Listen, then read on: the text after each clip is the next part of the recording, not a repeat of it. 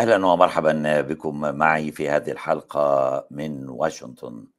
أتحدث فيها عن القائمة السنوية لانتهاكات الصحافة والصحفيين في العالم كما رصدتها لجنة حماية الصحفيين الأمريكية. اللجنة تقوم بهذا الرصد والتقرير السنوي على مدى 30 عاما ووجدت أنه في عام 2022 المنصرم وصلت حالات سجن الصحفيين وحالات قتل الصحفيين إلى مستويات لم ترصدها على مدى العقود الثلاث الماضية. نتحدث في الواقع عن أرقام كبيرة وإن كانت الأعداد قد زادت لكن الذين ارتكبوا تلك الانتهاكات لم يتغيروا كثيرا إلا فقط بالعدد وإلا بمرتبة موقعهم على القائمة. أكثر الانتهاكات في الواقع كانت من إيران على رأس هذه القائمة بالنسبة لسجن الصحفيين. لكن في هذه القائمة العشره الأوائل من منتهكي حقوق الصحفيين وسجانهم توجد دولتان عربيتان مصر والسعودية باختلاف الترتيب حسب من يحسب ومن يرصد.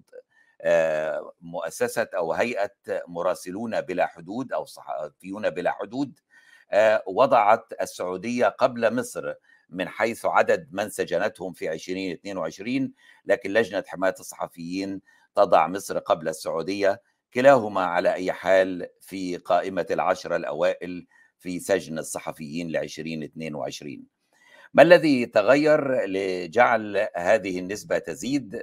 بنسبة 20% عن 2021 لسجن الصحفيين 50% بالنسبة لقتل الصحفيين في 2022 عن 2021 ربما بالطبع بالنسبة لقتل الصحفيين تأتي موضوع حرب أوكرانيا لكن بالنسبة لسجن الصحفيين هل هي بالنسبة لإيران الانتفاضة الشعبية وحركة مطالبات الشابات والنساء بحقوقهن في إيران أم هناك عوامل أخرى وماذا عن عالمنا العربي ودوله؟ أتحدث في هذا الموضوع مع ضيفي في هذه الحلقة من واشنطن أيضا الأستاذ شريف منصور وهو منسق برنامج الشرق الأوسط وشمال إفريقيا بلجنة حماية الصحفيين الأمريكية. مرحبا أستاذ شريف بك ولأبدأ بالحديث عن سمات التقرير الأخير و2022 من حيث العداوة والانتهاكات للصحفيين عالميا. شكرا جزيلا أستاذ حافظ على الاستضافة فرصة سعيدة جدا. أنا يعني يمكن ألخص أنه بالنسبة للمنطقة المحيطة بين المنطقة العربية والشرق الأوسط إيران كانت من أكثر دولة في سجن الصحفيين في العالم. السنة دي ب 62 صحفي مسجون خصوصا منذ اندلاع الاحتجاجات في منتصف سبتمبر.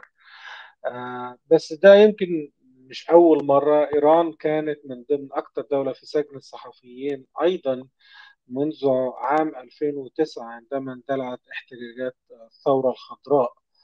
وعلى مدى 14 عام كانت من أكثر دولة في الرقابة أيضا حول العالم. من المنطقة العربية يمكن مصر والسعودية. مصر السنة دي من أكثر دول سجن الصحفيين إنما يمكن للسنة العشرة على التوالي كانت في 2013 لأول مرة تدخل القائمة في المركز التاسع. بعد أن كانت خالية من خالية من أي سجن للصحفيين في 2012 السعودية أيضا كانت من على القائمة من المنطقة في سجن الصحفيين. ولكن يمكن الاختلاف أن إحنا المعايير اللي بنستخدمها لا تضم الصحفيين الذين يستخدمون تويتر على سبيل المثال كوسيلة للعمل الصحفي لا نعتبرها عمل صحفي. بعض المنظمات الأخرى قد تستخدم صورة مختلفة. ولكن الموضوع أيضا كان في تركيز عن قتل الصحفيين.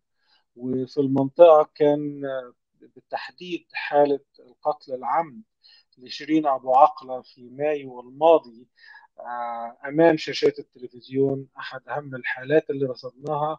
اللي إحنا قلنا في التقرير إنه بتمثل جزء من سلسلة من أزمة الإفلات من العقاب التي تحدث عندما تقوم إسرائيل وبالتحديد قوات الإسرائيلية باستهداف صحفيين وقتلهم. دللنا من الماضي القريب باستخدام القصف ضد مقرات الإعلام في 2021 18 مقر بما فيهم الجزيرة وبما فيهم أسوسيوس بريس وأيضا في 2018 عندما تم قتل عمد أيضا ضد صحفيين فلسطينيين ياسر مرتجى وغيره من آلات الرصد. في موضوع قتل الصحفيين كان في صحفي أيضا قتل في العراق العراق كانت ولا تزال أكثر دولة وثقنا فيها حالات قتل الصحفيين حول العالم منذ 2003 وسوريا لم يكن هناك في حالات قتل ولكن من المنطقة العربية أيضا ثاني دولة حول العالم تم فيها قتل الصحفيين خلال ال 12 عام الماضيين.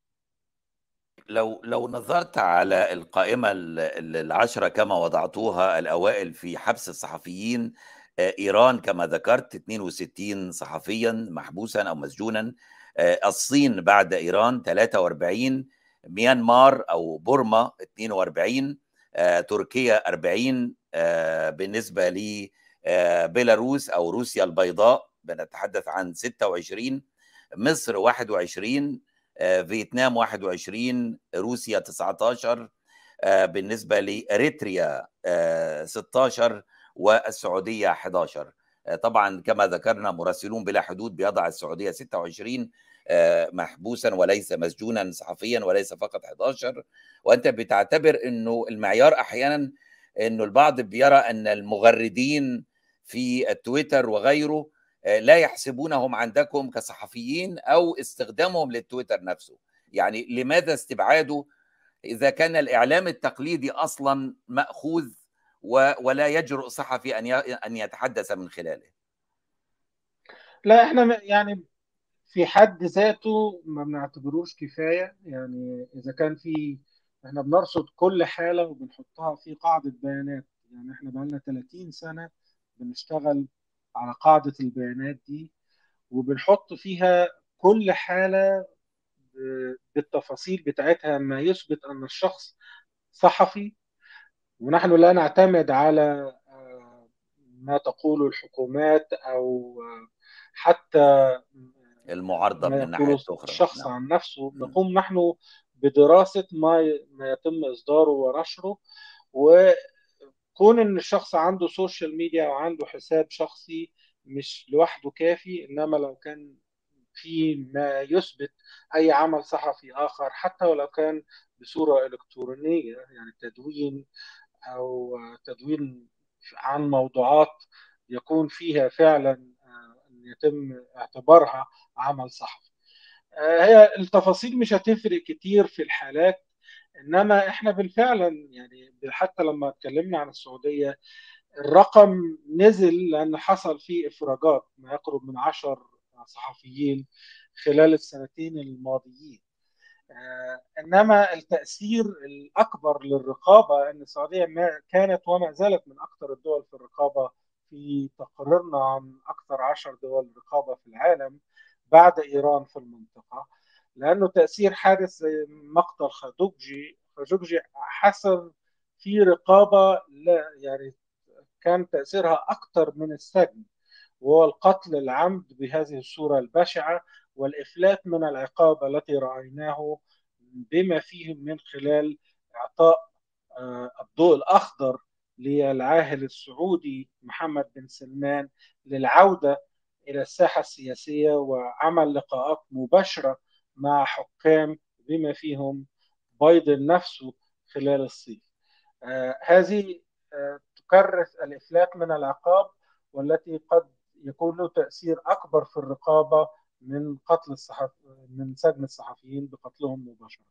طيب أستاذ شريف أحيانا حين يتحدث آه، يعني دعاة حقوق الإنسان وحماته بالنسبة للعالم العربي ويضع السعودية ومصر في في صف هناك دائما من يردون عليه ويقول وماذا عن تركيا؟ ماذا عن قطر؟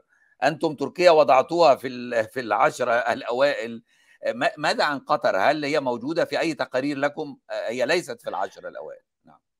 يعني هو قتل الصحفيين وسجن الصحفيين لا يحدث كثيرا في قطر إنما إحنا عملنا تغطية مباشرة عن قطر خلال العام قبل بدء كأس العالم وخلال كأس العالم بتغطية بعض الانتهاكات التي حدثت بما فيها من الصحفيين الذين يقومون بتغطية الانتهاكات ضد العمال الأجانب وحالات احتجاز لبعض المدونين وأيضا بعض الصحفيين الدنماركيين قبل كأس العالم بعض الانتهاكات هنا وهناك لحقوق الصحفيين تحدثنا عنها.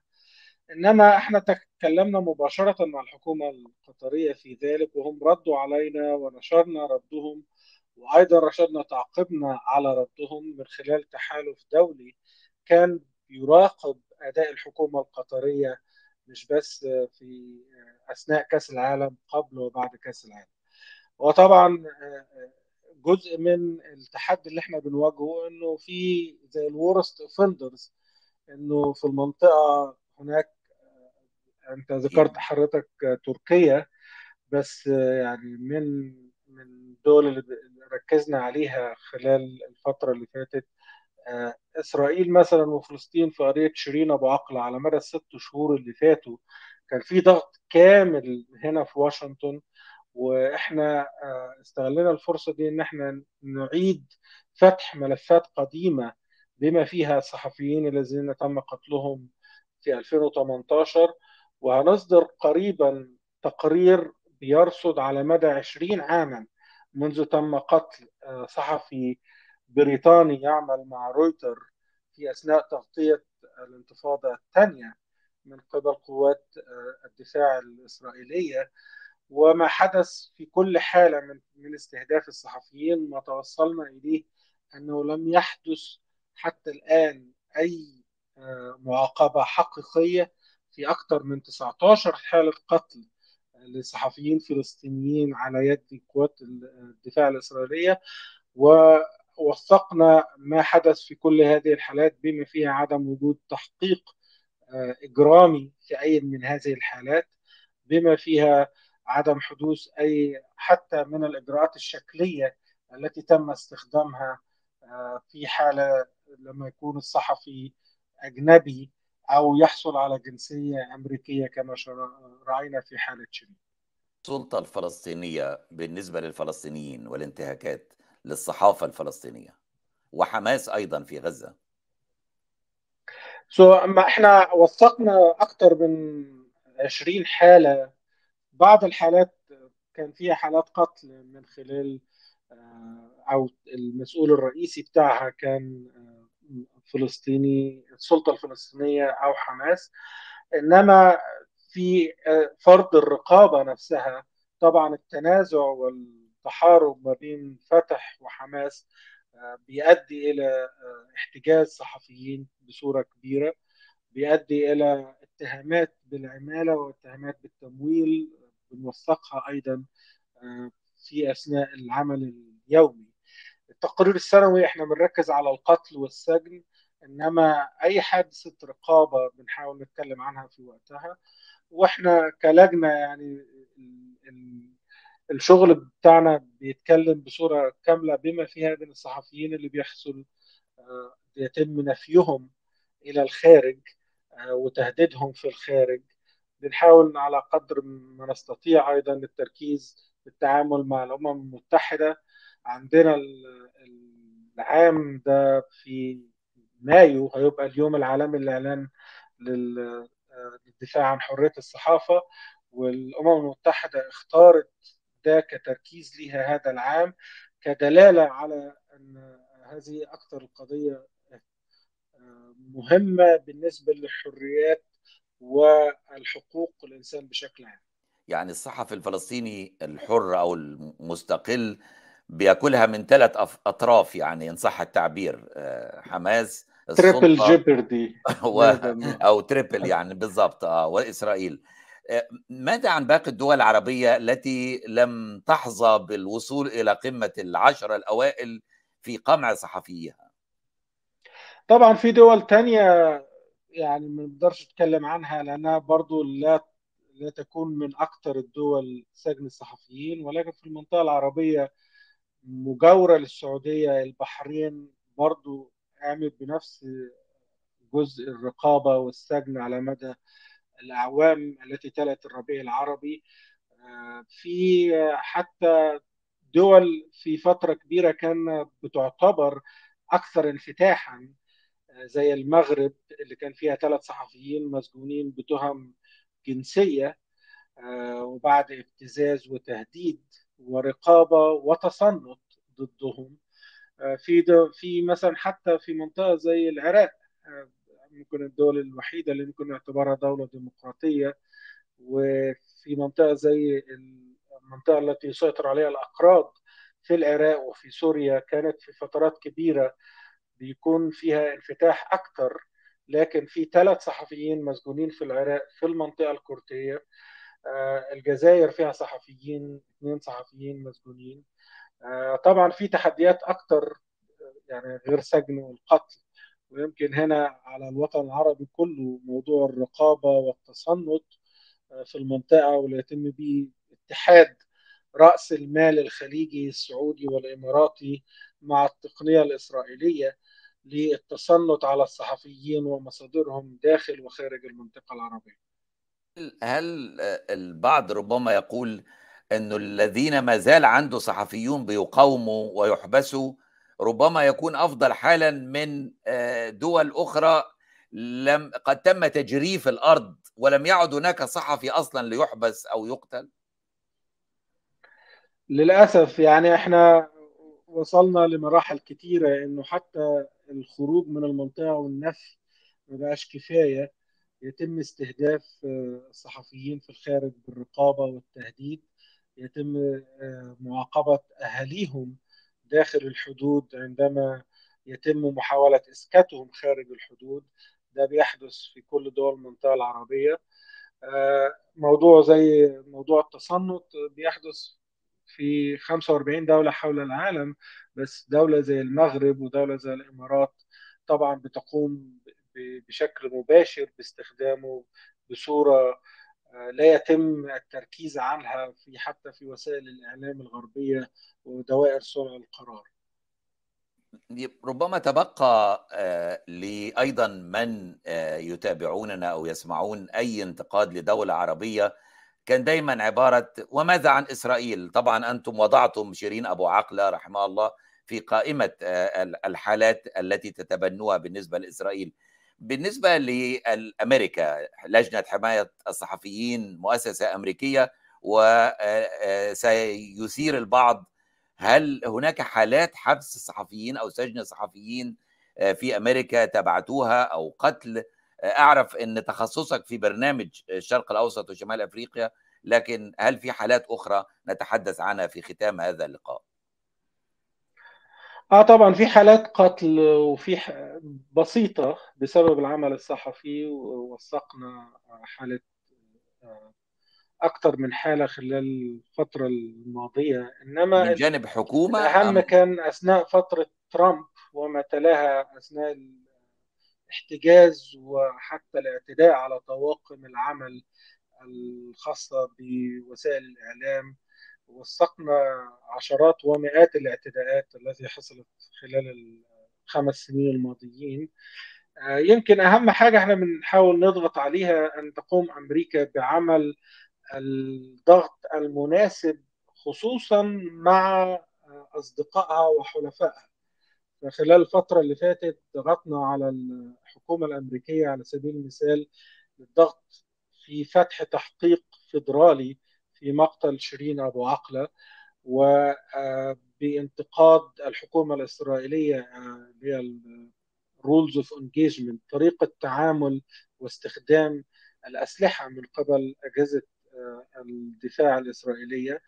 وده حصل خلال الفترة اللي فاتت لأول مرة أيضا بصورة علنية ومباشرة وأيضا ركزنا على طريقة تعامل الحكومة الأمريكية في قضية خاشقجي على سبيل المثال كمقيم صحفي مقيم في أمريكا بيعمل في أكبر مؤسسات العمل الصحفي في أمريكا الواشنطن بوست كسبيل ومثال للشفافية عن طريق ضغط للإفراج عن ما الأدلة التي قامت السي آي بتجميعها هذا متعلق بازدواجية المعايير لدى الحكومة الأمريكية لكن لأنه البعض قد يسمعك بتقول هناك حالات كثيرة في أمريكا بأنه يقول زينا زيهم يعني هل الحكومة الأمريكية تحبس أحد وتقتل أحد؟ الاعتداء على التغطية مئات الحالات وثقناهم بما فيها خلال منذ عامين في تغطية محاولة الاستيلاء على السلطة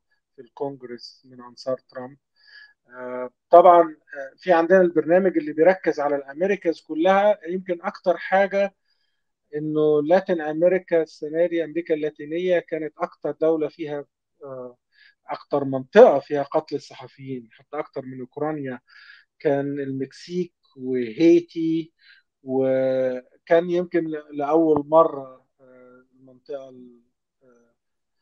دي تحصل على ذلك. بس يعني أمريكا اللي بتحاول الحكومة أو الإدارة الأمريكية أن هي تعمله أن هم يقدموا نموذج أحسن أو يحاولوا يصلحوا ما قام به ترامب خلال فترته. إحنا أصدرنا بعد مرور عام من قيام بايدن بالتحكم في السلطة تقرير يرصد بعض ما قامت به حكومته من إيجابيات وأيضا سلبيات. لكن طبعا الوضع لا يقارن بما كانت فيه الفترة خلال ترامب. إنما هناك سلبيات في التعامل مع الصحفيين على سبيل المثال منعهم من الدخول منعهم من الخروج مراقبتهم أو استخدام تضييق عليهم في مناطق الحدود مع المكسيك. بعض القضايا التي نثيرها مباشرة ونحاول أن نقوم ليس فقط مع إدارة بايدن كرئاسة مع المتعاملين معه في الجهات الفيدرالية جهات الحدود وحتى في وزارة الخارجية فيما يخص نعم. قيامهم بالتعامل مع حلفائهم في المنطقة شكرا جزيلا لك أستاذ شريف منصور منسق برنامج الشرق الأوسط وشمال إفريقيا بلجنة حماية الصحفيين الأمريكية أشكركم وإلى اللقاء. مع تحياتي حافظ الميراثي.